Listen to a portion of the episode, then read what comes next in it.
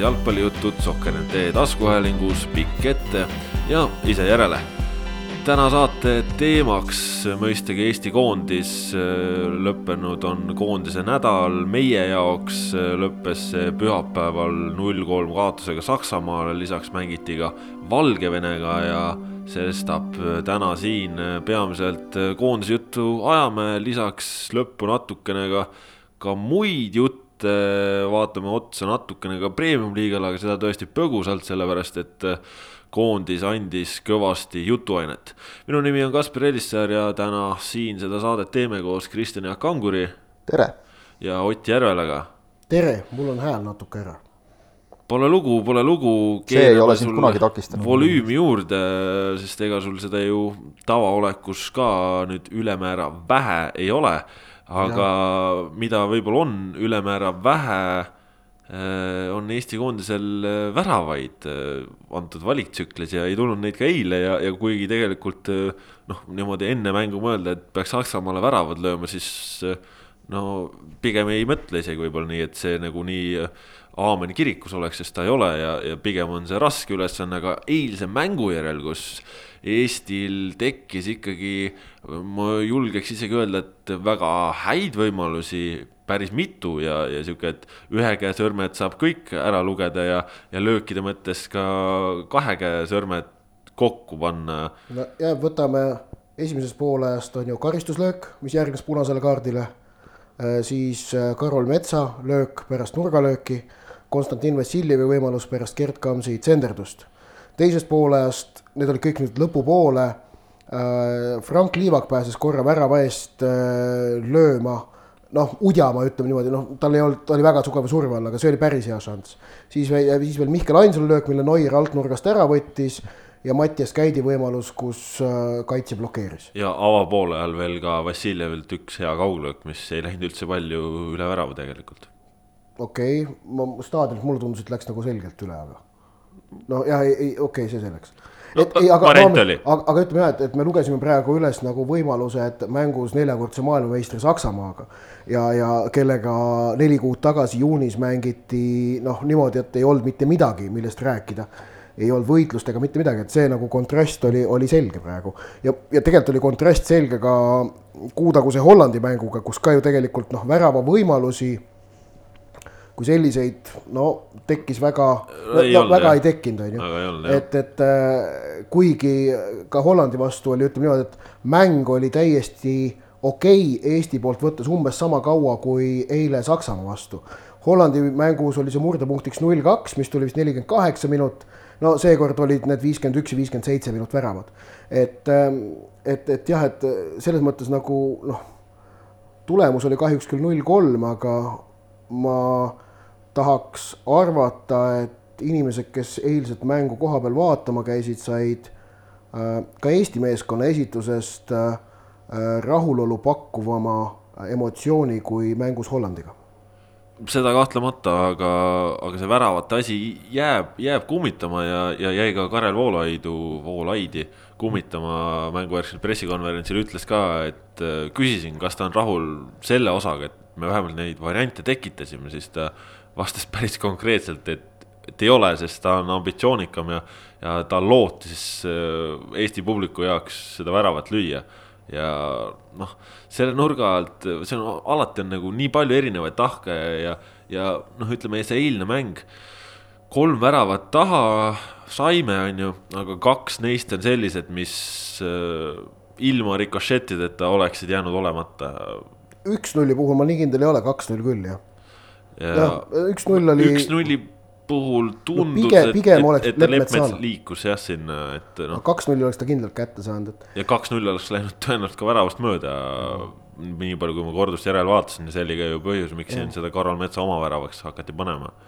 et ähm, no, nojah, et kui neid väravaid on ju üks-null ja kaks-null väravad, mis olid noh, ütleme niimoodi, saabusid paketina ja olid ju mängu otsustavad äh, sündmused, vaadata eraldiseisvana siis muidugi mõlema puhul oli Saksamaal äh, ports sportlikku õnne ja Eestil sportlikku ebaõnne ja mitte ainult see rikošett, vaid ka see, et üleüldse Gündogan löögile pääses pärast seda, et pall selle oma pingpongi tegi.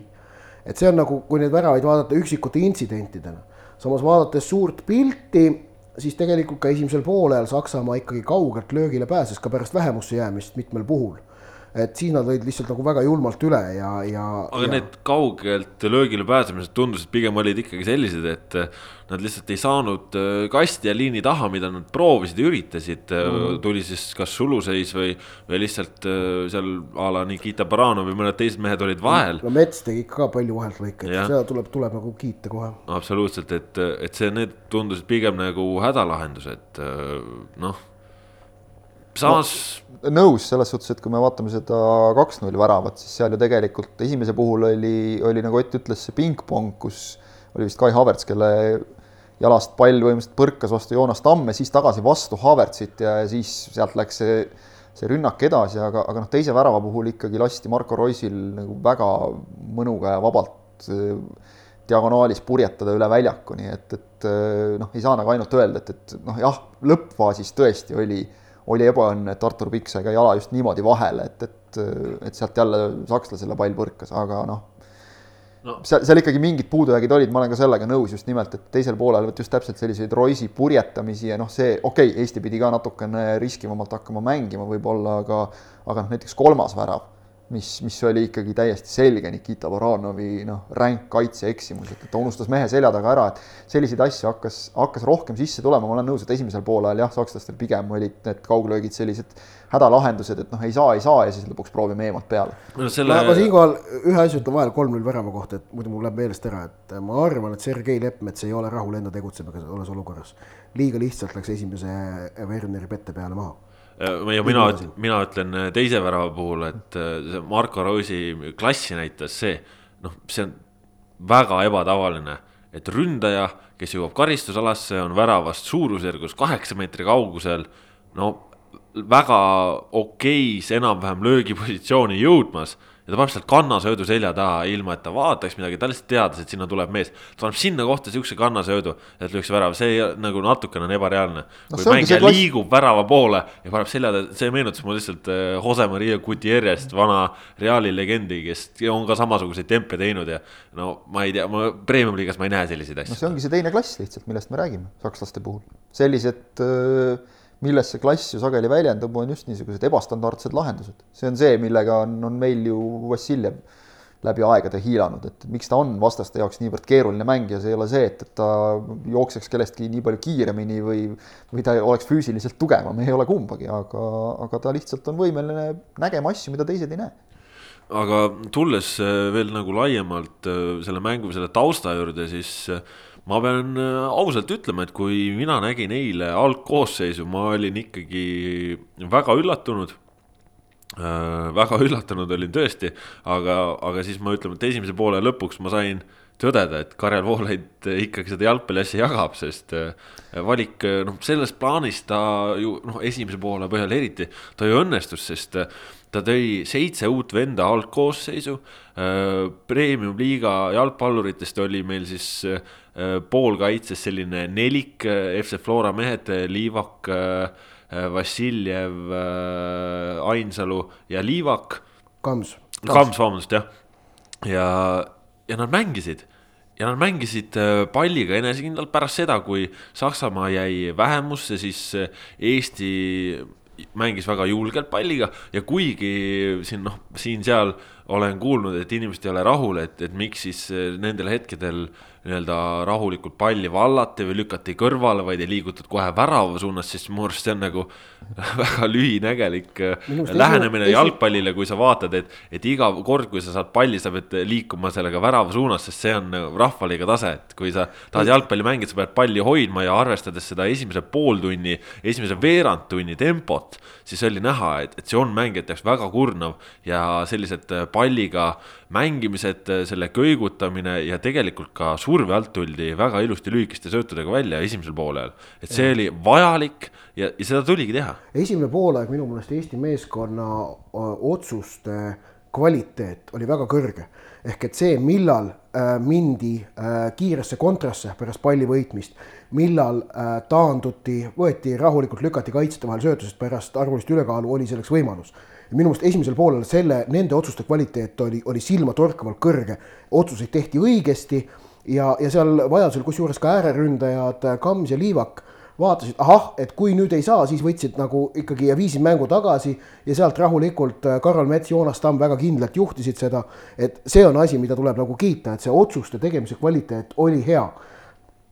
teisel poolel noh, me ei tea, mis, vot ongi, et kuna need kaks kiiret väravat tulid, siis äh, noh, siis, siis nagu kõik on ju asjad muutusid, et kaua kaua see otsuste tegemise kvaliteet oleks kõrge püsinud, seda me noh, tagantjärele enam ei teagi. no sa samas äh, minu arust ikkagi väga hästi ütles ka Julian Brandt Sokkernetile antud intervjuus, et, et nad olidki esimesel poolel, nad ei suutnud selle vähemusse jäämisega toime tulla, sest äh, noh, nende asetus muutus mingil hetkel pigem nagu sihuke neli, neli, üks ja nendel keskel jäi nagu justkui nagu kaks venda, aga siis äh, vaheajal riietusruumis Lõv tõstis seal mehed ringi, mehed asetsesid mängisid väljakul pärast teistmoodi ja siis pandi keskele mängijate kolmik, kus oli üks kontrolliv, kaks ründavamat ja ääred äh, toodi ka nagu rohkem mängu sisse ja siis sellega oli Eesti mäng haavatud.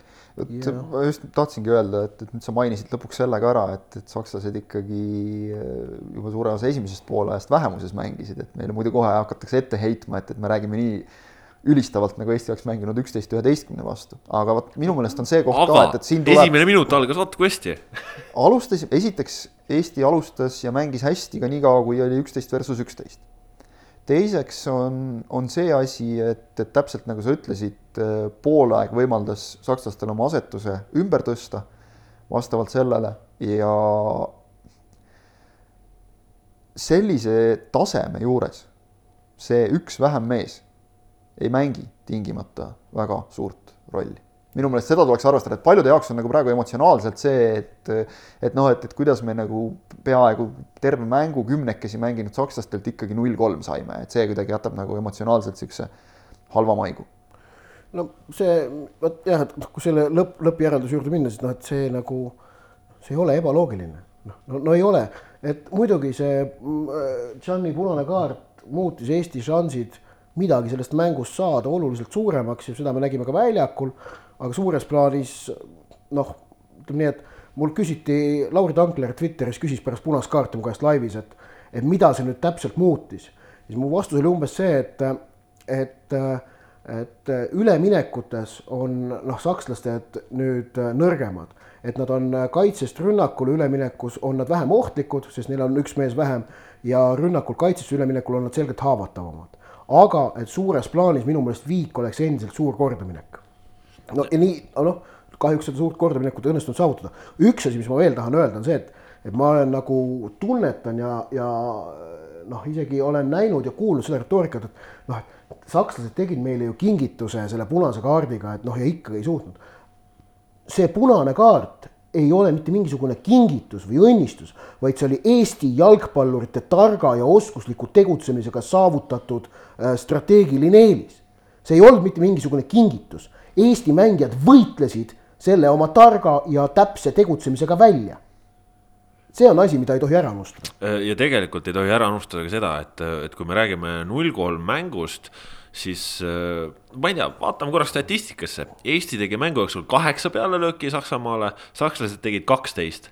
sakslased tegid mängu jooksul neli lööki rohkem.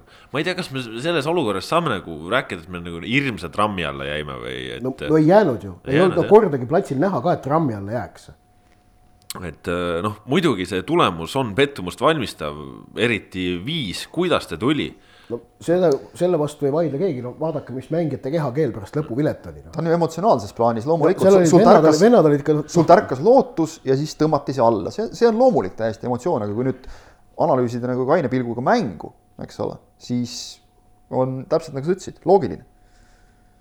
noh, ja Eesti tegi Saksamaa vastu kaheksa peallööki, sakslased tegid kaksteist, noh. see on, ütleme kaksteist. nurgalöögid on? Nurgalöögid äh, kolm-seitse sakslastele. noh, ütleme Saksamaal Mainzis lõid sakslased meile kaheksa väravat, noh, seekord nad tegid kaksteist pealelööki, et.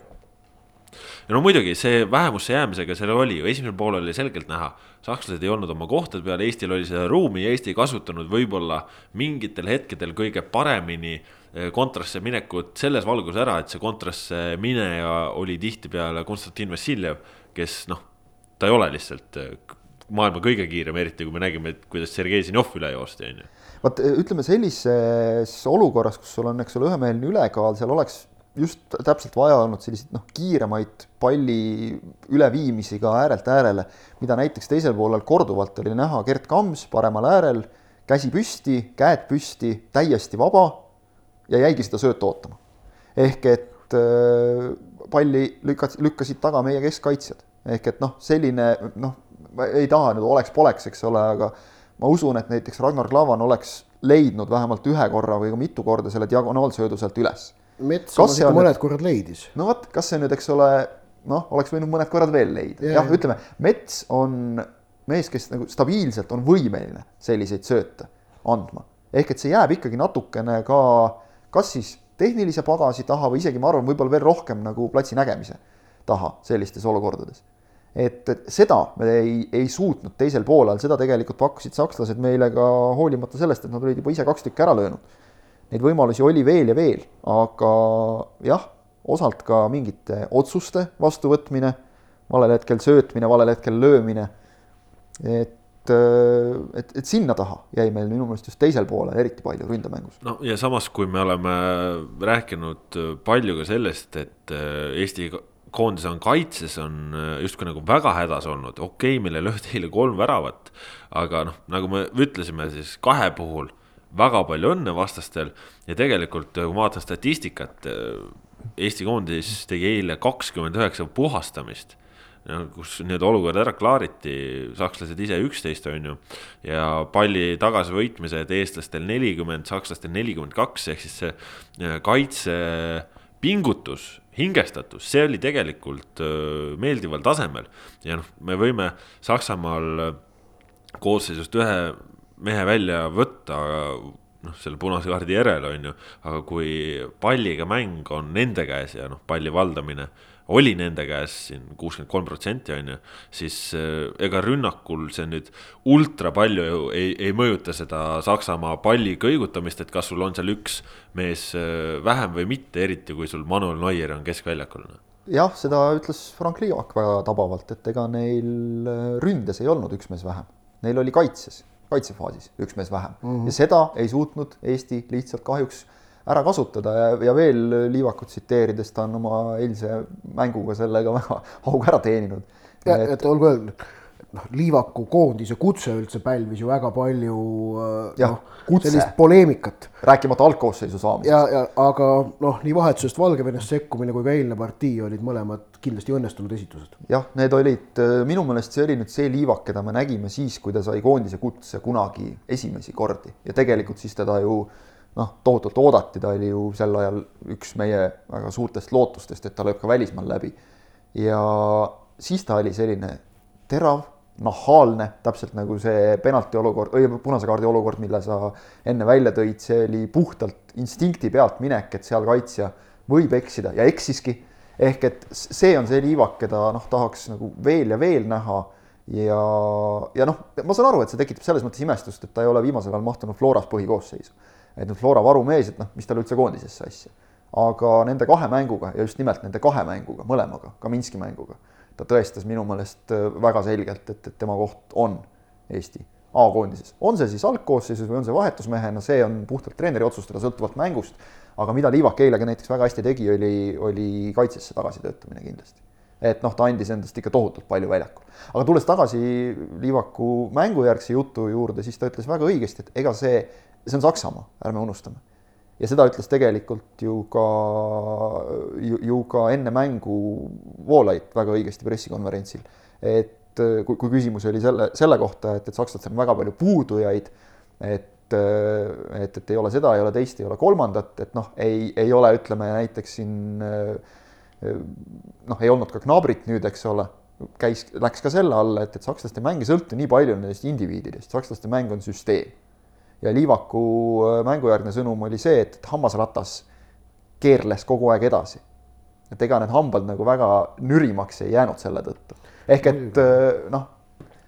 ja see ongi see. see ongi see, see on see põhjus, miks nad suutsid oma mängu hoida, jätkata ja meile peale suruda. jah, ja noh, see, et, et Saksamaa mängijate kõrgem kvaliteet noh, ei ole kellegi jaoks uudis, et see tähendas ka seda, et noh, nende rünnakud olidki äh, teravamad kui Eesti omad.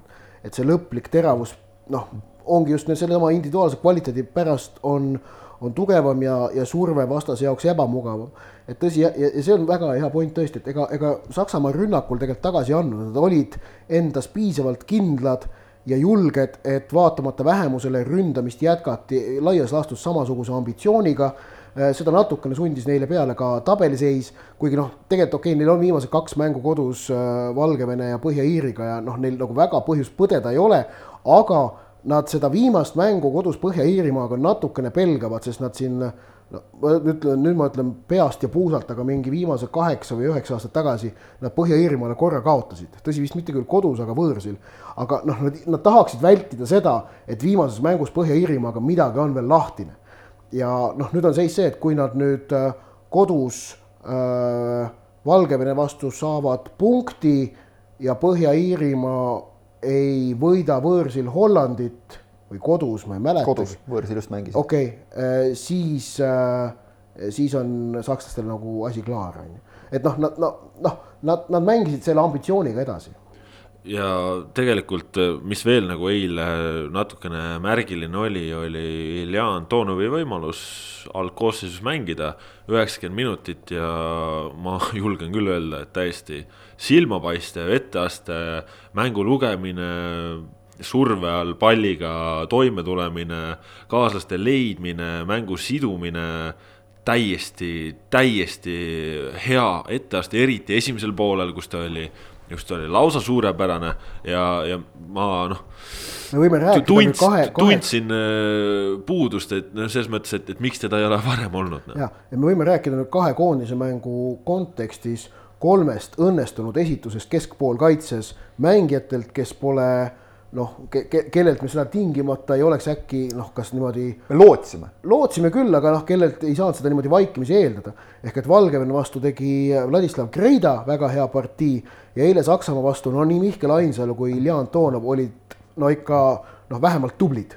On selles mõttes äärmiselt- äkki isegi natukene enam, et äh, ja noh, lisame siia juurde, et noh, jälle ma, ma lugesin juba ka, et Mattias Käit saab eilse, saab jälle sõimata ja värki, et no ma ei saa aru, mille pealt, ausalt ei saa aru. No okei okay,, eile ei olnud kõige õnnestunum, aga, aga vaatame suures plaanis äh, Käidi esitusi, siis äh, noh, ta on kindlalt ikkagi Eesti jaoks noh, väga vajalik mängija, minu meelest noh, sel sügisel mänginud korralikult. meil on olemas veel ka Kostja Vassiljev jätkuvalt olemas ja loodetavasti ka järgmine hooaeg jätkuvalt ikkagi olemas, et noh, ta karjääri lõpetada ei kavatse. et keskvälja keskel on nüüd olukord tegelikult ei ole üldse paha, valikut on. ja just selles On ju? mõttes valikut on, et. eri tüüpi. just täpselt, seda tahtsingi öelda, eri tüüpi mängijad, Kreida, sel-, noh, täiesti selgelt nii-öelda vastaste mängu lõhkuv poolik. ülikindel madal number kuus on ju. just, Antonov on- ütles il- eile ka pärast mängu ise, et, et noh, ma tunnen ja, ja muidugi õigesti tunneb, ta ei olegi, et, et ta ei ole puhas number kuus aga nagu me eile nägime, siis niimoodi on võimalik kasutada ka teda seal alumise poolkaitse rollis. ta on kindlasti äh, jällegi tahtmata selles osas Kreidale ülekohut teha, ta on palliga hetkel parem, kindlam kui Kreida natukene. Kreida samas on jällegi noh, võitluslikum. Füüsiliselt tugevam. füüsiliselt tugevam ja noh, nad, nad on Ja- teist tüüpi mängijad. Ja- nüüd on huvitav see, kas, kas neid on veel- võimalik neid kahte korraga kasutada ja niimoodi, et siis ülevalpool on kas Käit või Ainsalu või Kostja, et see on ka nagu huvitav, et äkki me näeme seda äh, Amsterdamis. jah, sellist kaks ühte me noh, ei, ei ole nagu nii palju näinud ja ärme unustame ära, et, et nii-öelda tagalat kindlustamas noh, tegelikult on ka täiesti olemas veel endiselt Artjom Dmitrijev.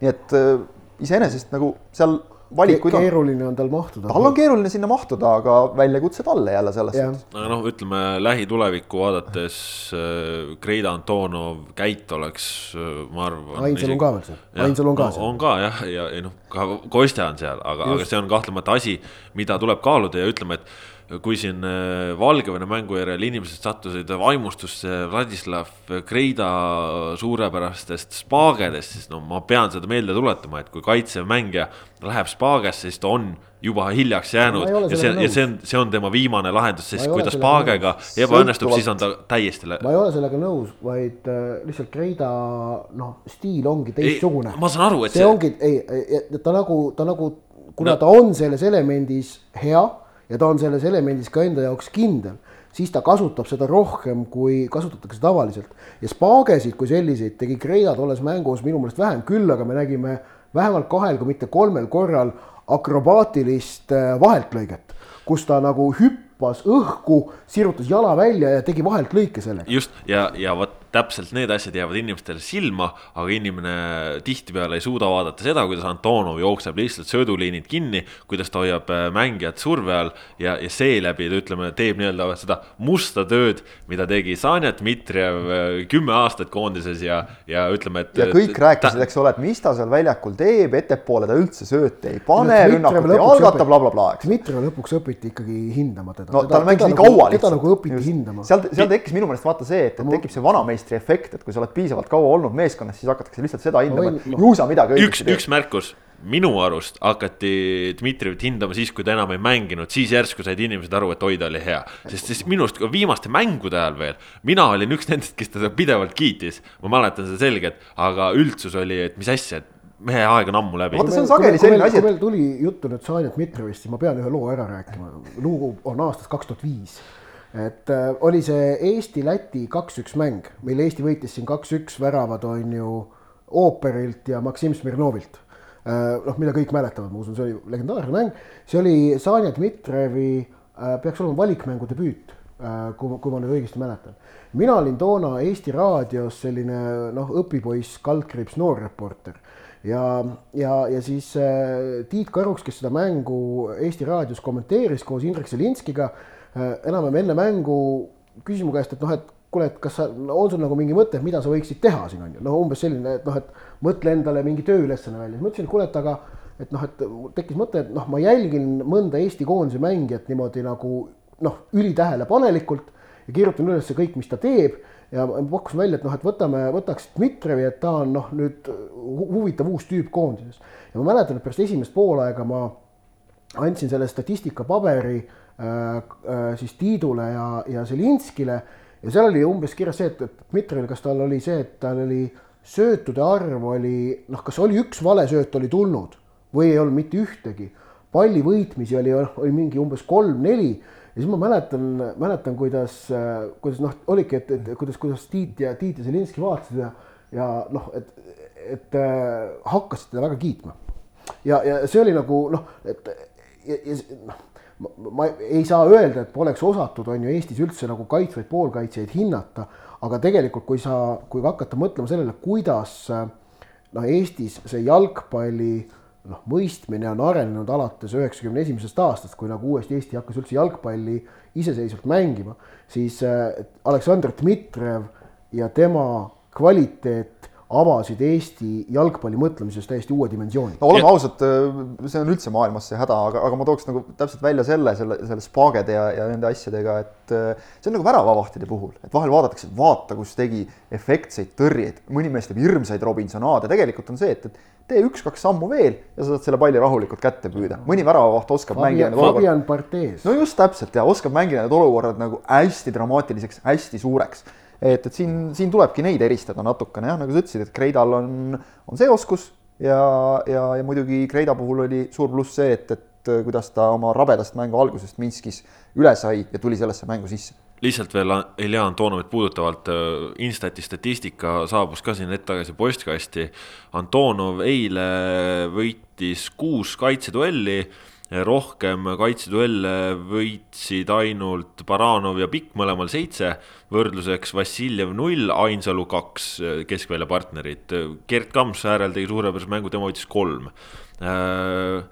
driblingud äh, Antonovil ühe korra proovis, õnnestus sajaprotsendiliselt äh, tacklingud ehk siis konkreetselt palli äravõtmised, kolm katset, kõik õnnestusid. oli päris hea, ütleme. ja rohkem ei teinud mitte keegi, ehk siis kaks pallivõtmiskatset on pikal, kaks õnnestunud katset on äh, liivakul ja vahelt lõikeid Ilja Antonovil oli kaks, nii et oli ka okei okay. ja söödud, kui me vaatame, sööduprotsent Ilja Antonovil üheksakümmend kaks, see on äh, Karol Metsa järel paremusel teine näitaja. tõsi, äh, kaheksateist äh, mitteründavad söötu olid kõik täpsed, aga ka nii-öelda ründavad passid kolmkümmend neli, ta andis kolmkümmend, jõudis kohale, ehk siis nelja ettepoole läinud sööduga eksis ja ma ei saa öelda, et kui tal mitteründavaid sööte, ehk siis mis olid palli hoidmise eesmärgiks oli kaheksateist ja sööte nii-öelda ettepoole või siis paremal positsioonil olevale mängijale olid kolmkümmend neli, et siis ta seal justkui nagu omaette oleks midagi keksinud, et. ma võtaks lühikese lausega no. kokku, millest me räägime täpselt noh, et. palun, vahel on see, et võib statistikasse nagu liiga kinni jääda, aga noh, need numbrid räägivad küll enda eest praegu. et no ja, et me oleme tegelikult praegu nüüd vist, mis meil on, Kaspar, kolmkümmend minutit. kolmkümmend minutit oleme rääkinud Saksamaa tegelikult jah. rääkinud sellest, et miks ikkagi ei olnud eile asi üldse niivõrd halb, nagu see tulemus äh, välja paistab, et, äh, et aga, aga nüüd noh, ja, ja, ja ütleme, koondise nädala esimene mäng oli ka, et noh, punkt võõrsilt noh, no kurat, no ei saa kuidagi nagu kunagi öelda, et see nüüd paha oleks, kui see vastane ei ole kääbusriik, on ju, ja ei olnud. et, et nagu vot minu ausalt öelda see emo-, kokkuvõttev emotsioon sellest nädalast ongi selline, et no muidugi oleks tahtnud paremat, aga no okei okay oli, okei okay oli. vot minu jaoks on see, et, et äh, olles ka nüüd olnud noh, Minskis nagu näinud seal mängijaid pärast lõppu näinud Voolaidu nagu lähedalt, need on need vahetud emotsioonid, mille sa kohe sealt saad. Äh, esiteks loomulikult Minskis oli suur kergendus, et saadi see üks punkt kätte, sest noh, muidu on teada, et seda noh, jäädaks veel kauaks-kauaks nämmutama, kui me tõesti peaksimegi lõpetama oma valikgrupi nulli peal, eks ole, mis oleks olnud vägagi tõenäoline pärast, pärast seda, kui me sealt ei oleks midagi saanud. kuigi seal on nüüd oluline vahe sees, kas jääda nullile viieses või kuueses. ja kindlasti on, on, aga see ei, see ei takista muidugi noh, sel teemal nii-öelda paugutamast, eks ole, et olema tagasi aastas üheksakümmend see ja teine no mis ei oleks lihtsalt olnud tõsi. mis ei oleks olnud muidugi tõsi, aga noh, jällegi see ei takista. et, et noh, see oleks olnud selline ebavajalik mingisugune koorem, eks ole. aga üleüldse kuidagi see ja minu meelest see ei ole ainult seotud sellega, et, et sul on uus äh,, uus treener, uus hingamine, kõik. ma ei ütleks, et see võib-olla koondise mängude puhul nüüd noh, klubimängude puhul on jah, see, et tuuakse uus treener, igapäevaselt kõik muutub, mingi värskenduskuur. et siis seal on see, see uue treeneri efekt ma ei usu, et, et see koondise mängudes, kus, kus käiakse kuu aja tagant praegu, nagu praegu, eks ole, kaheks mänguks koos niimoodi nädalaks ajaks, et, et see seal nüüd nii meeletult avaldub. aga kuidagi ja juba see, see väljendus juba, juba ka Valgevene mängu ajal ja väljakul minu meelest eh, mingisugune uus eneseusk, mingi uus enesekindlus. Eh, kindlasti toovad seda kaasa endaga nooremad mängijad, kes praegu on, esiteks on neid ma ütlen nüüd väga subjektiivselt, aga minu meelest nagu suhteliselt palju korraga tulnud.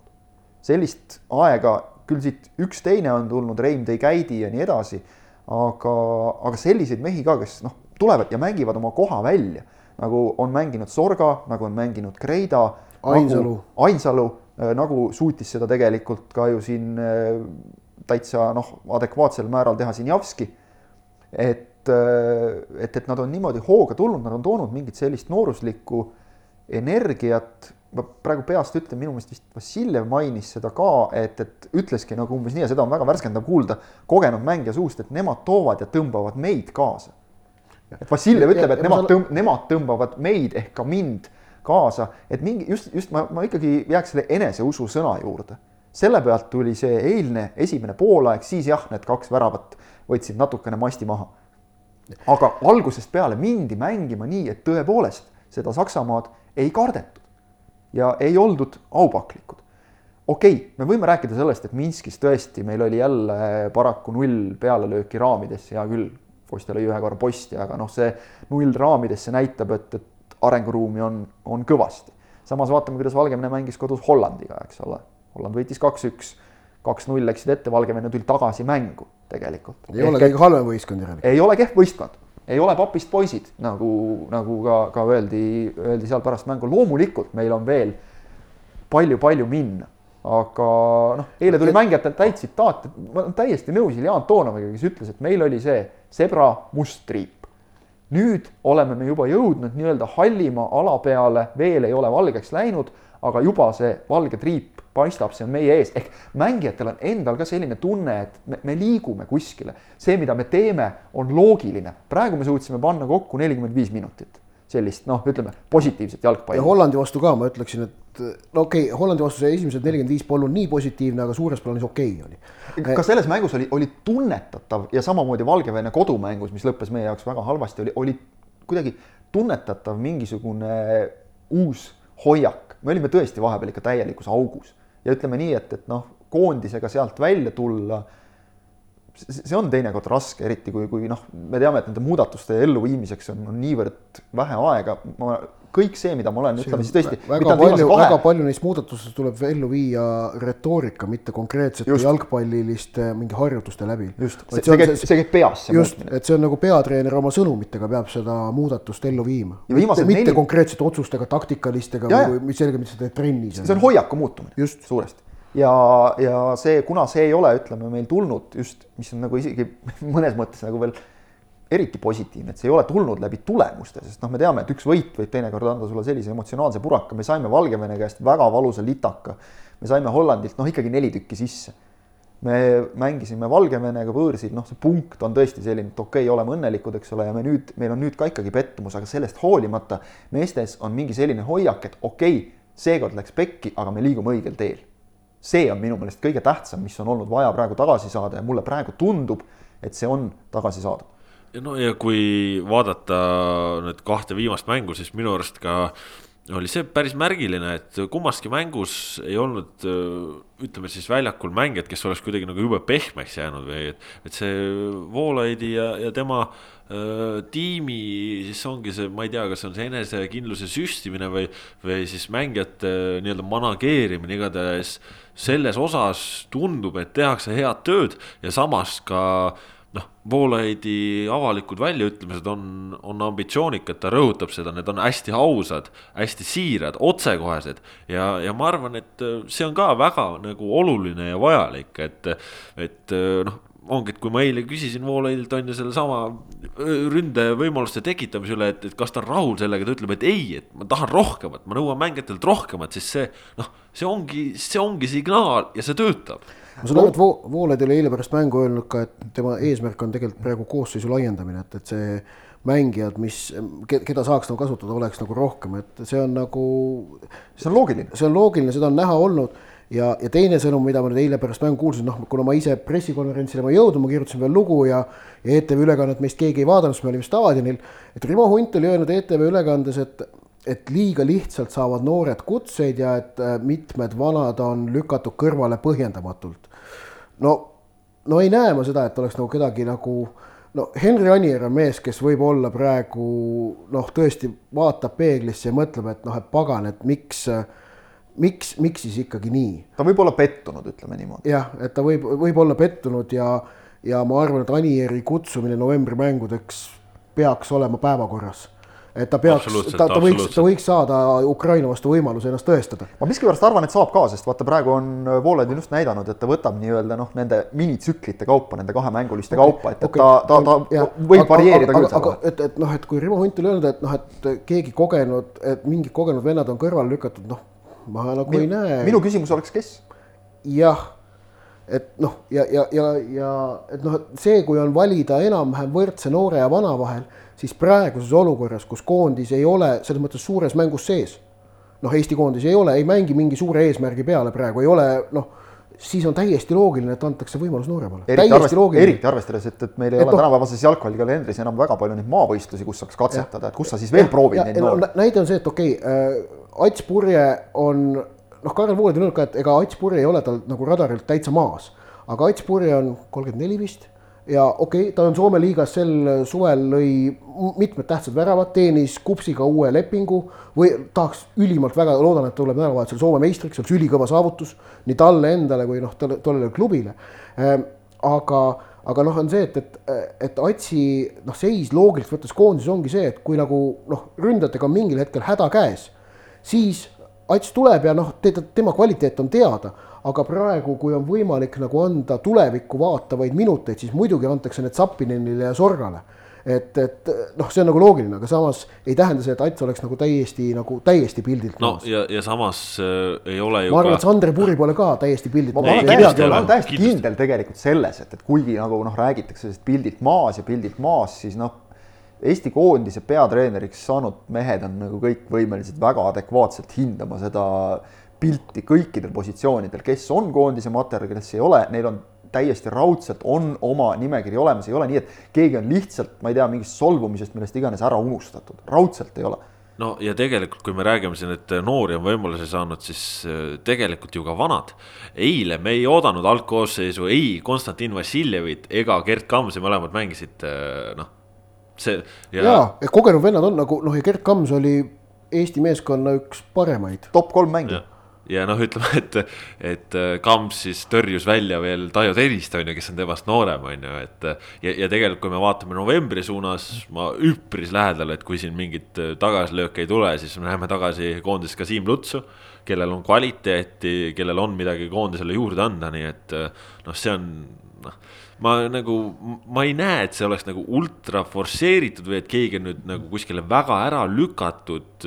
ma arvan, ongi olukorras, kus me reaalselt edasipääsu peale ega millegi peale ei mängi. kõige õigem aeg, et lai, koondist laiendada, ütleme, et nüüd äh, Karel Voolaid nägi ära, et, et mingid vennad suudavad mängida ja ütleme, et siis, kui on edaspidi vaja, siis ta teab, et see vend suudab mängida, aga, aga suudavad ka mängida noh, Sander Purid ja Ats Purjed, kelle saab iga kell võtta, kui nad on, on, on hoos nii-öelda. jah, sellest saaks rääkida siis, kui need noored, kes on kutsutud, ei ole välja vedanud. siis saaks rääkida, et, et on, on antud avansina need kohad ja, ja liiga vara toodi noored mehed sisse, aga ma loetlesin siin enne, nad kõik on koha välja mänginud mõni veel, noh, veel paremini kui teine, aga, aga et lati alt keegi läbi oleks jooksnud, ei saa öelda mitte kellegi kohta no, no okei okay,, ütleme nii, et Sorga mängus Valgevenega võõrsil noh, jäi raskustesse seal, aga see oli natukene mitte ainult temast tulenev, vaid noh, tal, talle, ega talle pall väga ei jõudnud ka. ta, ta no, võitles. Sapinenil eile sama jah. jah, just.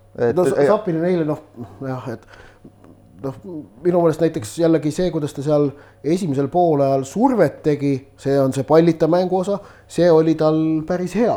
no meenutame, Sapinen oli, oli vend, kes pani vist esimese, kes kahekümne sekundiga kohe vastase portidesse ja siis Neuer. kolmekümne viiendal sekundil pani laksu ära Emre Canile. Emre Canile no. ja siis Neuer võttis natist kinni, et, et mine vabanda ka nüüd, eks ole, aga noh, see, see on täpselt see, see Zappinen, keda me tahame näha, jah, muidugi. jube raske on, jube raske on hinnata, täpselt nagu Sorgat ka on hinnata ründajat, kui talle ei suudeta eriti palli toimetada ja ta peab seal kahe keskkaitse vahel seal üksinda müdistama ja, ja tuletame nüüd meelde ka, et et mis mehed need seal tal vastas on, eks ole. no ja kui Sapinen teebki esimesel minutil Emre Canile ära lükke, noh tsitaadiga suurusjärgus oh poja ära hüppa ja, ja Emre Can saab äh, kolmteist minutit hiljem punase kaardi, siis noh, võib-olla kehtestas ennast piisavalt hästi no,, ajaski mehe endast välja. siis poja pandi paika, tuleb nii välja, eks ole.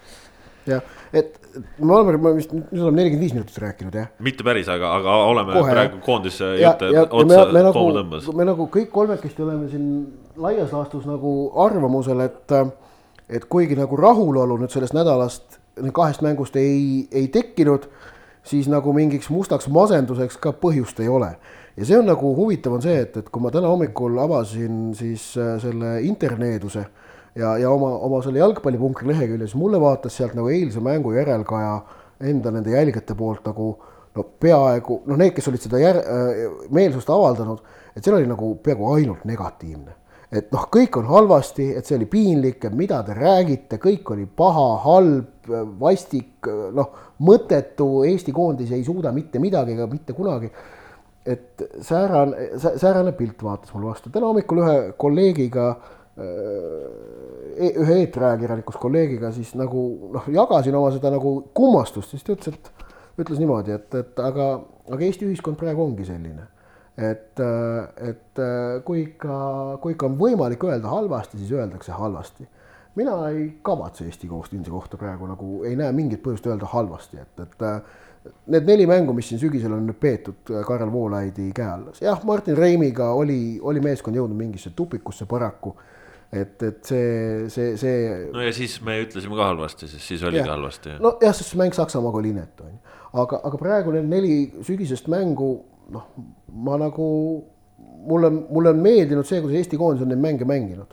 kusjuures kõik, kõik neli mängu. see on see hoiak, mis ma olen nagu väljakul näinud äh,, nii väljakul kui ka väljaku kõrval äh,, sõnades noh, see annab äh, lootust, et, et siit on võimalik nagu edasi liikuda ja ja noh, ma siis ütlen sellise julge asja ka välja, et ma nagu praegu ei näe küll mingit põhjust, miks ei peaks Jalgpalliliit Karel Voolaidiga lepingut pikendama. tema praegune leping lõpeb novembri mängudega, mis on siis äh, maavõistlus võõrsil Ukrainaga ja valikmäng võõrsil Hollandiga. minu jaoks on see ka täpselt seesama küsimus, et, et noh, liiga mustvalge lähenemine asjadele. Kas on väga halvasti või siis ja. väga hästi. kiidame taevasse või taame maa jah, sisse. jah, et koondis ei ole, Eesti koondis ei ole Manchester United, kelle puhul on, esiteks on see, et kus sul on nagu iga mäng ongi noh, selline noh, et, et, et neid hindamiskohti on niivõrd palju ja teiseks on see, et, et noh, et kui ei ole hästi, siis ongi kohe halvasti. ma ei ole kindel, kas sa tõid praegu just kõige parema nagu võrdluse klubiliselt just tingimata, aga ei, ei no selles mõttes, et ei, Manchester United on selles mõttes igamängulise kriitika objekt, on ju. et äh, kus nagu sellist noh, Manchester United kuulub sinna äh, kategooriasse, kus nagu ikkagi pikka perspektiivi vaata peaaegu ei olegi võimalik vaadata. et sul on maksimaalselt äh, kesklühike, aga reeglina lühike perspektiiv, see, mis nagu domineerib. et Eesti koondise puhul minu meelest ei ole mõistlik läheneda niimoodi ja see on muidugi, see on nagu emotsionaalselt keeruline, sellepärast et koondise puhul pikema perspektiivi vaatamine äh, on kohati eriti valulik, kuna koondis mängib oluliselt harvemini, kui mängib üks klubi. koondis mängibki aastas kümme mängu, kümme kuni kaksteist, klubi mängib kuuskümmend. ja siia juurde veel see ka, et, et äh, tõesti, üks on koondis, teine on klubi ehk et koondises käib sul töö, nagu öeldakse, tellija materjalist ehk minu meelest peaks nagu keskenduma ka märksa rohkem sellele, et siin ei ole see, et vees on kehv, viskame kõrvale, toome kuskilt parema asemele, tuleb vaadata, mis sul on ja kui palju ja kuidas suudetakse sellest, mis sul on, välja võtta, hinnata selle järgi, mitte võrrelda täpselt see, et, et näed, et öö, jookseb aeglasemalt kui Royce ja, ja lööb vähem väravaid kui Gündogan et see, see on täiesti noh, jaburatel alustel põhinev võrdlus, aga minu meelest Eesti koondist väga sageli just nimelt kuidagi sellel alusel kiputakse hindama. ehk et oluline on, on see, mida nende meestega tehakse ja, ja kui öelda, et äh, keegi, ma ei tea, ei peaks olema koondises või on liialt kehv, mida iganes, siis peab ka vaatama, kas on talle paremat alternatiivi. kui ei ole, siis selline on seis, tuleb lihtsalt võtta siis sellest mehest, nii palju kui võtta on kritiseerida on mõtet siis, kui me näeme ja noh, endiselt jään selle juurde, kuigi ka selle vastu vaieldi, kui me rääkisime pärast Mainzi mängu, et, et oli tahtejõuetu mäng, jah, see oli tahtejõuetu mäng, mehed ei andnud endast kõike. nüüd nendes neljas mängus me oleme näinud, mida see endast üheksakümmend minutit kõige väljaandmine tegelikult tähendab. on kellelgi veel midagi Eesti koondise kohta lisada või saame siit äh, teema kokku tõmmata? Tundub, et saame kokku tõmmata, nii et äh, läheme siit äh, sihuke saime Aitming neljakümne kaheksa minutiga hakkama ju. nelikümmend seitse pool noh, nii et äh, läheme siit põgusalt äh, selle juurde, mis meil siin lähiriikides toimub, et ega siin pikalt ei peatu sel teemal, aga. aga ütleme, et kui Eesti on siin olnud siis nii-öelda aug, augus ja Ilja Antonovi sõnul oleme lähenemas siis sellele valgele perioodile, et musta pealt saame välja varsti. siis noh, samamoodi musta peal on ikkagi väga konkreetselt ka Läti ja Leedu, nii et äh, väga mõnes mõttes isegi kummaline, et meil see Balti riikide areng nagu niisamas rütmis. mul on selle kohta teooria mul on selle kohta äh, teooria, mida on nagu noh, ilmselt nõuaks mingit väga põhjalikku teadustööd, et seda hakata tõestama.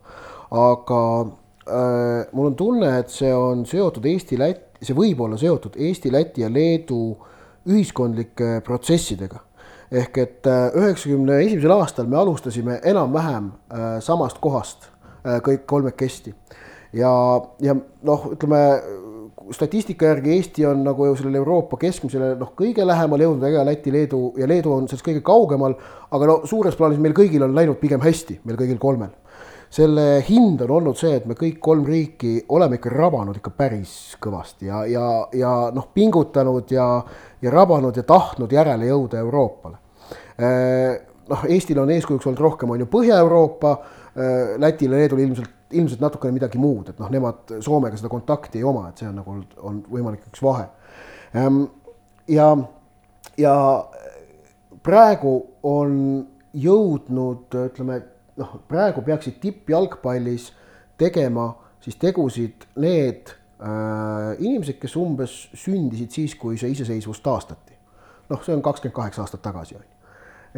et, et mingil hetkel nendes oli, oli see, selle kahekümne kaheksa aasta, kahekümne kaheksa aasta jooksul mingil hetkel jõudsid äh, kõik need kolm Balti riiki oma heaoluga piisavale tasemele, kus inimesed äh, äh hakkasid ikkagi noh, rõhuma sellele, et äkki ei ole mõtet riske võtta, vaid et on või tähendab, inimesed hakkasid nägema, et elu on võimalik niimoodi noh, suht kenasti rööbastesse saada, et ära kindlustada, et ei, ei juhtu midagi halvasti, et on võimalik aga, aga see nõudi, nõudis seda, et tuli nagu vot teha väga kindlaid valikuid äh,, riskivabasid valikuid.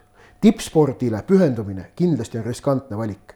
ehk et see, et, äh, et see alalhoidlikkus äh, pärast Nõukogude Liidu õudusest pääsemist on täiesti loogiline, et on alalhoidlikkus see, et, et pagan ei, ei, ei tohi riskida, et teeme kindla peale, et haridus töökoht pere ja, ja elame noh paremini kui kunagi varem siin Baltimaades on see üldse võimalik olnud.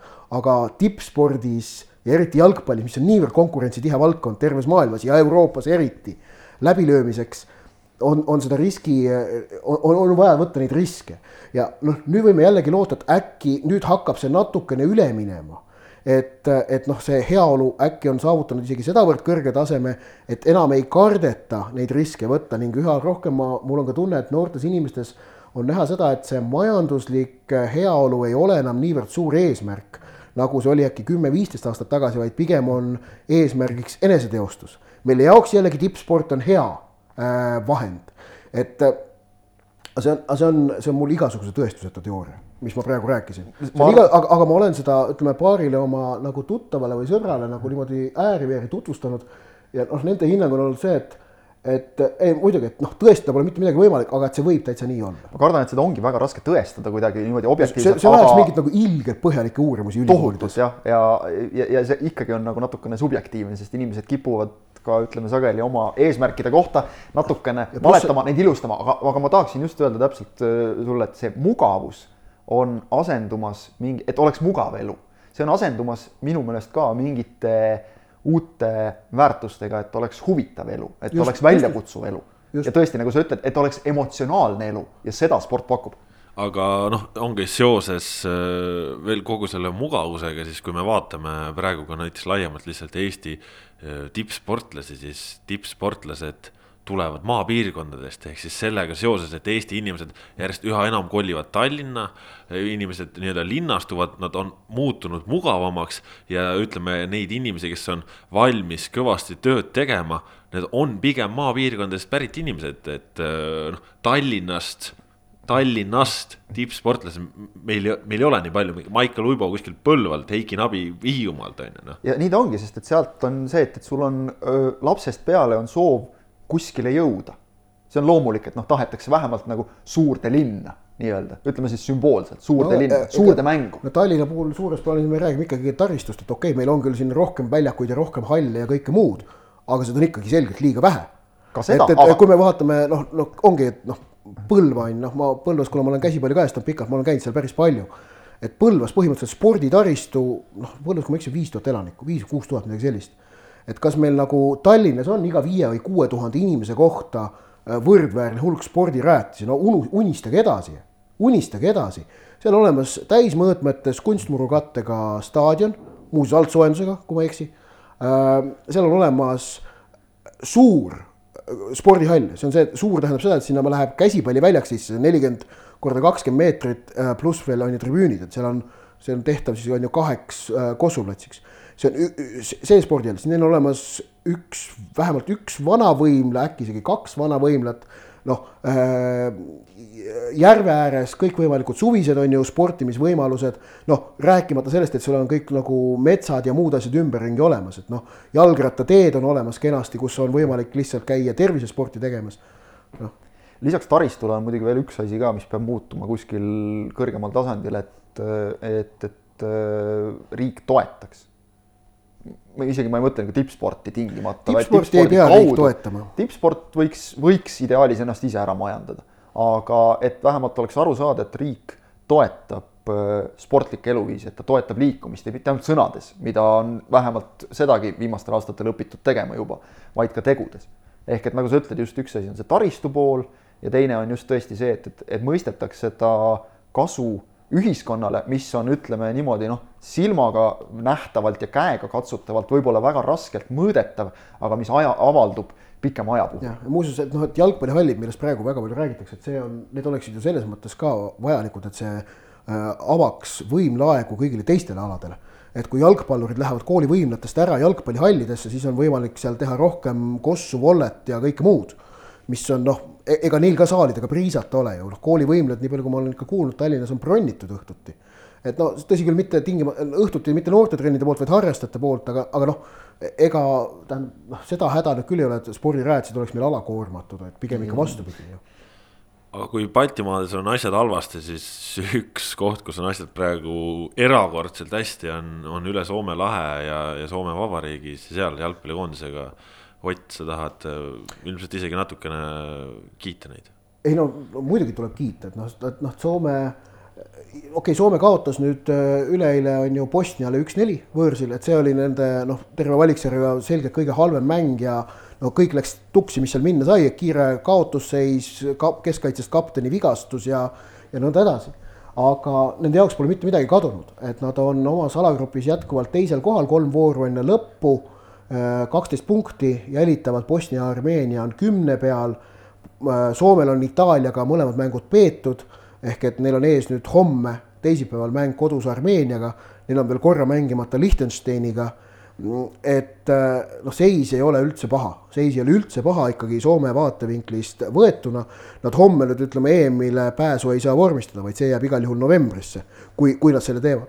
aga nende šanss on hea ja, ja noh, nende äh, puhul, noh, mida ma ise naudinguga jälgin, see, et ma nagu jälgin mitmeid äh, oma Soome kolleege Twitteris noh, kellega me oleme nagu tuttavaks saanud äh, aastate jooksul ja kuna eelmine aasta Eesti mängis Soomega ka, siis noh, need ütleme, need kontaktid on veel ka suht isiklikul tasandil üpris hilised. et on noh, ülinauditav on näha, kuidas, kuidas hõimuvelledel on praegu samasugune vaimustus, nagu meil oli kaks tuhat kümme, üksteist. noh, või see kaks tuhat üksteist sügis, kui, kui terve Eesti äh, jalgpalli kogukond, sealhulgas ka ajakirjanikud, elasid nagu mingisuguses ekstaasis tegelikult, et noh, et, et noh kõrgemas sfäärides, praegu põtradel on samamoodi, see on üliäge, sest noh, Soome, ma olen suur Soome fänn. Äh, igatpidi, mitte, mitte ainult nagu spordis, vaid ka noh, nende riiki ja ühiskonda ja väga-väga nagu hindan spordis niikuinii alati Soome poolt, et äh, seda on vägev vaadata. Eks soomlastel on ka. Miga Häkkinen on parem kui Michal Schumacher ja Soome jäähokikoondise vastu ei saa mitte keegi nüüd on vist hetk, kus Kasper peab Oti mikrofoni maha keerama. aga, aga soomlastel on vedanud selles mõttes ka, noh, vedanud, eks ole, see ongi jälle, ise teenid välja selle mingis mõttes, aga, aga veidikene on neil vedanud ka sellega, et äh, teised tulemused on selles grupis, täpselt nii nagu meil läks, läinud Just. väga hästi. Armeenia võitis kodus Bosniat, mis muide tegi ka soomlastele nüüd selle viimase mängu selles mõttes väga keeruliseks et äh, Bosnia-Hertsegoviina jaoks see kodumäng, see oli selg vastu seina mäng. kui nad oleksid selle kaotanud, siis neil oleks olnud, noh, arvestades, et Itaalia on, on juba, ongi läinud ka faktiliselt eest EM-ile ja, ja neil oleks läinud Soome püüdmine ikka tohutult raskeks ja lisaks sinna juurde veel eh, Liechtensteini ja Armeenia omakorda omavaheline üks-üks viik, mis eh, tähendab, et noh, okei okay,, Liechtensteini võib-olla ei saa päris otseseks konkurendiks pidada veel enam soomlastele, aga, aga jällegi. Armeeniat küll. Armeeniat kindlasti, et konkurent kaotas jälle punkte ja, ja, ja noh ütleme, soomlaste jaoks on jälle nüüd noh, pukki peab lööma hakkama jälle. soomlide puhul on ikkagi fenomenaalne on tegelikult see, et, et nende mängijate valik praegu pole kaugeltki see, mis neil oli mingi kümme aastat tagasi, kui oli Sami Hüübja oli Liverpooli põhikaitsja. Jussi Jääskelainil oli Premier League'i viie hinnatuima väravvahi seas ja neil oli veel seal tippmängijaid aga, aga praegu noh, okei okay,, Teemu Pukkit teavad tõesti isegi, isegi teatakse nüüd üle maailma, sest ta on, on ju Premis oli augusti parim mängija aga muidu neil on ikka suht nagu tavalised mängijad, ei ole midagi erilist, noh no, no. Hradec, Hradecki võib-olla, eks ole. jah, Hradecki ka, tõsi Leverkuseni esivärav. ja, ja noh, paneme, paneme võib-olla nagu Pohjanpalo ka näiteks sinna nagu, eks ole, nende. jah, aga. nõus, see Pukki on see üks suur täht ja siis ülejäänud on sellised noh, ka tublid mängumehed. keskmine mängijate valik minu meelest ei ole nii hea, kui oli nende see tippaeg, kui, kui veel Littmanen oli olemas, Hüübja oli juba tõusnud ja neil olid noh, Petri Pasanen oli veel ju Bundesliga-s põhivend ja no mis seal kõik olid, on ju. väravvaht oli üldse jalaga segada, Jääskela oli Niem ja kes seal veel olid, on ju. et äh, ma väga-väga loodan, et Soome homme võidab kodus Armeeniat ja siis novembris saame vaadata seda, kuidas Suomi pojad, mene Arvo Kisoihin. Siit kerda., siit läheme edasi ühe kuulaja küsimuse juurde, mis on ka seotud veel koondistega. Kristjan Jaak, sinu Jah. ampluaa. noh, mis ta minu ampluaa nii väga on, arvestades, et, et ma ka kratsisin kukalt tükk aega ja siis lõpuks tuli Järvele ja ütles, kuidas tegelikult on. Ei no- aga ei, sest et äh, asi ongi selles mõttes äh, noh, ütleme sellega on ta keeruliseks tehtud, et äh, EM teema ka. jah, just, et EM-ile jõudmine on, on siis nüüd seekord ju sedapidi, nagu me teame, et, et alagruppidest kaks esimest ja siis sealt ülejäänu, mis veel jääb, tuleb rahvuste liiga kaudu. ehk, ehk et eh, võib-olla natukene mõnele tundub see rahvuste liiga kaudu edasipääsemise süsteem keeruline, kuna seal arvestatakse ka EM-i ja tekkis küsimus ühel meie lugejal, et, et kui on jutt siis konkreetselt rahvuste liiga B-divisjonist, et kui seal olid äh, ühes alagrupis äh, Rootsi, Venemaa ja Türgi, et, et kui nüüd noh, tundub hetkeseisuga, venelased on juba kindlustanud, eks ole, edasipääsu EM-ile oma alagrupist äsjase võiduga ja Rootsil ja Türgil on see võimalus ka võrdlemisi suur, et, et kui siin räägitakse nüüd play-off idest, B-divisjoni play-off'ist, kus oli neli alagruppi, siis nende nelja alagrupi parimad peaksid nagu justkui mängima play-off'i, et kust see neljas siis võetakse, sest et noh, need, kes on juba taganud, need loomulikult seda play-off'i ei mängi tulemus, lahendus on selles mõttes väga lihtne, et öö, UEFA on öö, A, B, C ja D divisjoni meeskonnad pärast Rahvuste Liiga lõppemist järjestanud. noh, tundub hetkel vaadates suhteliselt loogiline, et A-divisjonist lähevad finaalturniirile otse praeguse EM-valiksarja kaudu kõik meeskonnad peale Islandi, kes on seal kaheteistkümne hulgas öö, viimasel kohal Šveitsi. Šveitsil on ka selline natukene lahtine see olukord. ja kui nüüd küsimus käis konkreetselt selle, selle B-divisjoni kohta, siis seal on äh, Venemaal nagu öeldud, edasipääs kindel, Rootsil, Taanil, Ukrainal äh, vägagi võimalik. miks sellest kõigest on raske rääkida, miks seda on võib-olla natuke raske lihtsalt sellest aru saada, on see, et EM-valiksari praegu veel käib enamikus äh, gruppides on, on siin äh, noh, kaks-kolm mängu veel minna või, või, või, või isegi, isegi mõnes vist rohkem, et, et natuke keeruline on veel saada sotti, et mis meeskonnad nüüd seal täpselt pääsevad EM-ile, millised välja jäävad. aga, aga küsimus oligi siis see, et, et kui nüüd ühest sellest Rahvuste Liiga grupist saavad kõik edasi, kust siis see järgmine meeskond võetakse, võetakse väga lihtsalt, võetakse sealt äh, nende seast, kes endale nüüd EM-valiksarja kaudu ei taganud edasipääsu. ehk kui selleks on nüüd A-divisjonist näiteks Island, kes ei saa edasi, siis lähevad nemad automaatselt sinna B-divisjoni play-off'i, kusjuures seda nüüd Ott märkis väga õigesti, et, et siin on tegelikult potentsiaalne olukord, kus võiks juhtuda nii, et A ja B divisjoni peale nagu kokku neid play-off'i meeskondi tuleb alla nelja.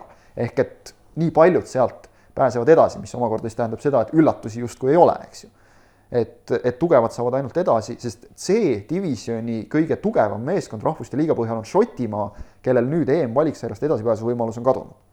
et see justkui võiks tähendada seda, et šotlaste suhtes ebaõiglaselt nad liigutatakse kõrgemale, aga selle jaoks on reegel, et alagruppide võitjaid, mida Šotimaa on, neid kõrgemale ei nihutata, ehk siis äh, hetkeseisuga, kui me arvestame praegu näiteks ka Soomet, kes on oma alagrupis teisel kohal, edasipääsejana oleksid äh, oleks, oleks äh, siis selles B-divisjoni play-off'is see meeskond, kes sealt seest veel viimasena kvalifitseerub, ehk siis seal on praegu ütleme, Bulgaaria, Iisrael, Rumeenia on seal ja, ja kui. A-divisjonist ja, ja kui A-divisjonist ei tule äh, nelja äh,, kui A-divisjoni kaheteistkümne satsi seas on vähem kui neli sellist, kes pääsevad, kes ei pääse otse EM-ile, siis mis on äärmiselt tõenäoline. jah, mis on äärmiselt tõenäoline ja kui B-divisjonis on ka neid vähem kui neli või neli, siis siin A-divisjoni play-off'i ülejäänud kaks äh, liiget leitakse C-divisjonist. aga need ei ole alagruppide võitjad, kes saavad igal juhul õiguse mängida oma divisjoni play-off'i. sest nad saavad õiguse, miks see nii on, see on lihtne, eks ole, sest nad saavad õiguse mängida nõrgemate vastastega, muidu oleks see nende suhtes äärmiselt ebaõiglane, et, et noh, nad visatakse sinna kuskile, ütleme Islandi ja Šveitsi punti, eks ja ole. kokkuvõttes Eesti, kui oleks olnud alagrupis kolmas ja suutnud Kreekat edestada, ei oleks täiesti võimatu, et ka Eesti mahuks sinna A või B divisjoni play-off'i muuseas. jah, aga praegu on, on meil noh, või võime tõesti kinnitada, kõik võimalused kadunud ja, ja muidugi huvitav on, on see, millest on palju räägitud, et noh, kas kasub, tasub kukkuda D-divisjoni, need äh, vahvad konstruktsioonid. et seal siis tõesti D-divisjonis hetkeseisuga mängivad äh, Gruusia äh,, Põhja-Makedoonia, Kosovo ja Valgevene. Jah, ja no, no. ja lisaks on veel see, et järgmise rahvuste liiga, mis mängitakse järgmise aasta sügisel silmas pidades, on süsteem muutunud, D-divisjon on jäänud ainult seitsmeliikmeliseks ja see, kas ja kuivõrd palju seal üldse madalamatest divisjonidest keegi mingeid finaalturniiri pileteid saab püüda või mängitakse seda lihtsalt rahvuste liigana, see ei ole veel selge. jah, D-divisjoni jutu lõpetuseks ütlen, et Kosovo EM, EM-il, see on minu suur unistus ja lootus no ja kokkuvõttes on see süsteem ikkagi paganama keeruline ja milleks on see jalgpall vaja nii. ütleme, et ta on, ta on keerulisem, ta on keerulisem, kui ta võiks olla ja selle tegi just eriti keeruliseks nüüd veel see vahepealne otsus, mis noh, ütleme jällegi on nagu loogiliselt põhjendatav, aga jätab kõik mulje, et, et see rahvuste liiga süsteem oli selline üllas algatus, et meeskondadel oleks nagu ka millegi peale mängida, aga, aga lihtsalt noh, ta oli läbi mõtlemata ja ja seal tekivad juba probleemid sellest, et eks ole, et meeskonnad ei jagune noh, nende gruppide vahel võrdselt ja, ja ja et neid divisjone on nii palju ja et neid gruppe on nii palju, et noh, ta on, ta on nagu natuke keerulisem, kui ta võiks olla, tõesti soov oli, oli üllas, aga, aga välja on tulnud keeruliselt ja see, et teda nüüd siin veel poole pealt muudeti, et noh, me ka nagu elasime teadmises, et nüüd me kukume allapoole nüüd siis jälle selgub, et tegelikult ikka ei kuku, eks ole, noh, B ja C divisjoni vahelised liikumised samamoodi, et, et see, see, see nagu tundub nagu mõttetult keeruline. no loodetavasti nad nüüd saavad selle uue süsteemi paika, sest muidu see on natuke nagu mingi võrkpall või korvpall, kus tehakse mingitel suurvõistlustega seoses mingeid lükkeid, et mingid vennad saaksid kindlasti sinna finaalturniiri no,. seda, seda, sellest me siiski rääkida ei saa, sest et reeglid olid ennem paigas, need on kogu aeg paigas olnud ja Just. seal kellelgi ei ole privileege. erinevalt võrkpallist, eks ole, et, et noh, ütleme sinna on ikka veel tükk maad nagu minna, et seal, seal on nii, et, et keegi ostab endale lihtsalt põhimõtteliselt noh, mis põhimõtteliselt ostabki, lihtsalt ostab finaalturniiri koha, kes no. suudab mingisuguse summa välja käia, see saab kuskile finaalturniirile, noh sorry, see on absurd no ütleme nii, et jalgpall on teatud määral konservatiivne ja traditsioone järgiv ala ja, ja loodetavasti nagu liiga jaburaks asi ei lähe, aga no, praegu on märgid, et läheb paremaks. Need kohad ikkagi nagu mängitakse reaalselt nagu väljakul välja, selles ja. mõttes on kõik loogiline. nii, ja Muuses, saate lõpetuseks. saate lõpetuseks info, et on tulnud kuskilt info, et äh, Saksamaa kaks-null väravale eelnes suluseis, aga seda me ei ole praegu ma ise pole veel saanud kontrollida, mulle anti selline vihje, aga eks me hakka seda kontrollima aga mis on äh, siis koondiste väline teema, on see, et nüüd, kui meil koondispaus läbi on, siis äh, läheb premium-liigas uuesti mänguks ja nädalavahetusest on esile tõsta üks kohtumine. pühapäeval kell kolm see aset leiab ja see leiab aset Hiiu staadionil, kus praegune valitsev Eesti meister Nõmme Kalju võõrustab Tallinna FC Florat, kes võidu korral Äh, siis võtab äh, sõna otseses mõttes Hiiul Nõmme Kaljult üle äh, uue aasta tiitli. ehk siis meil on tiitlimäng Nõmme Kalju kodus, kus Kalju võib kaotada selle oma suurimale rivaalile Florale. kas see juhtub? ma arvan, et kui sa küsid noh, et kumb on tõenäolisem, kas see, et Flora võidab selle mängu ja tuleb meistriks või et ei võida ja ei tule, seal vist on see, et, et sõltub natuke sellest ka, mida seal Levadia teeb, äkki päev varem, on ju. et kui me eeldame, et Levadia võidab, on ju, ja, ja see vahe Flora ja Levadia vahel on ikkagi kümme punkti, mis tähendab seda, et Flora vajaks võitu, viigist ei tohiks piisata. ei piisa jah, sel juhul. Eh, siis, siis ma arvan, et pigem on tõenäolisem see, et Flora ei võida, et kui, et, et viigi ja Kalju võidu tõenäosuse koguväärtus on suurem kui viiskümmend protsenti. sest see mäng on ka Hiiul mis, mis tähendab, et väljak on väiksem, keerulisem, äh, noh, soosib sellist, ütleme, Hiiul sünnib rohkem viike, sellepärast et see mäng on selline tihe, kuna plats on väike. ma arvan, et Kalju ei anna. ma arvan, et Kalju ei anna seda, seda rõõmu Florale, et, et seal, seal tiitel kätte saada. kui ma peaks ennustama, ma ennustaks viiki ja seda hoolimata sellest, et Nõmme Kalju oli siin äh, värskelt äh, hädas äh, Paide linnaveskil kolmega. me oleme näinud ju sel hooajal kõvasti, kuidas äh, Nõmme Kalju on hädas tabeli, tabeli teise poolega ja, ja siis mängib tippudega, nii et ja vähe ei ole, nii et. sellest, et Nõmme Kalju mingi teise liiga satsist jagu ei saanud, ei tasu küll mingeid kaugeleulatuvaid järeldusi teha. no lõpuks said ikkagi. no ja normaalajal ei saanud.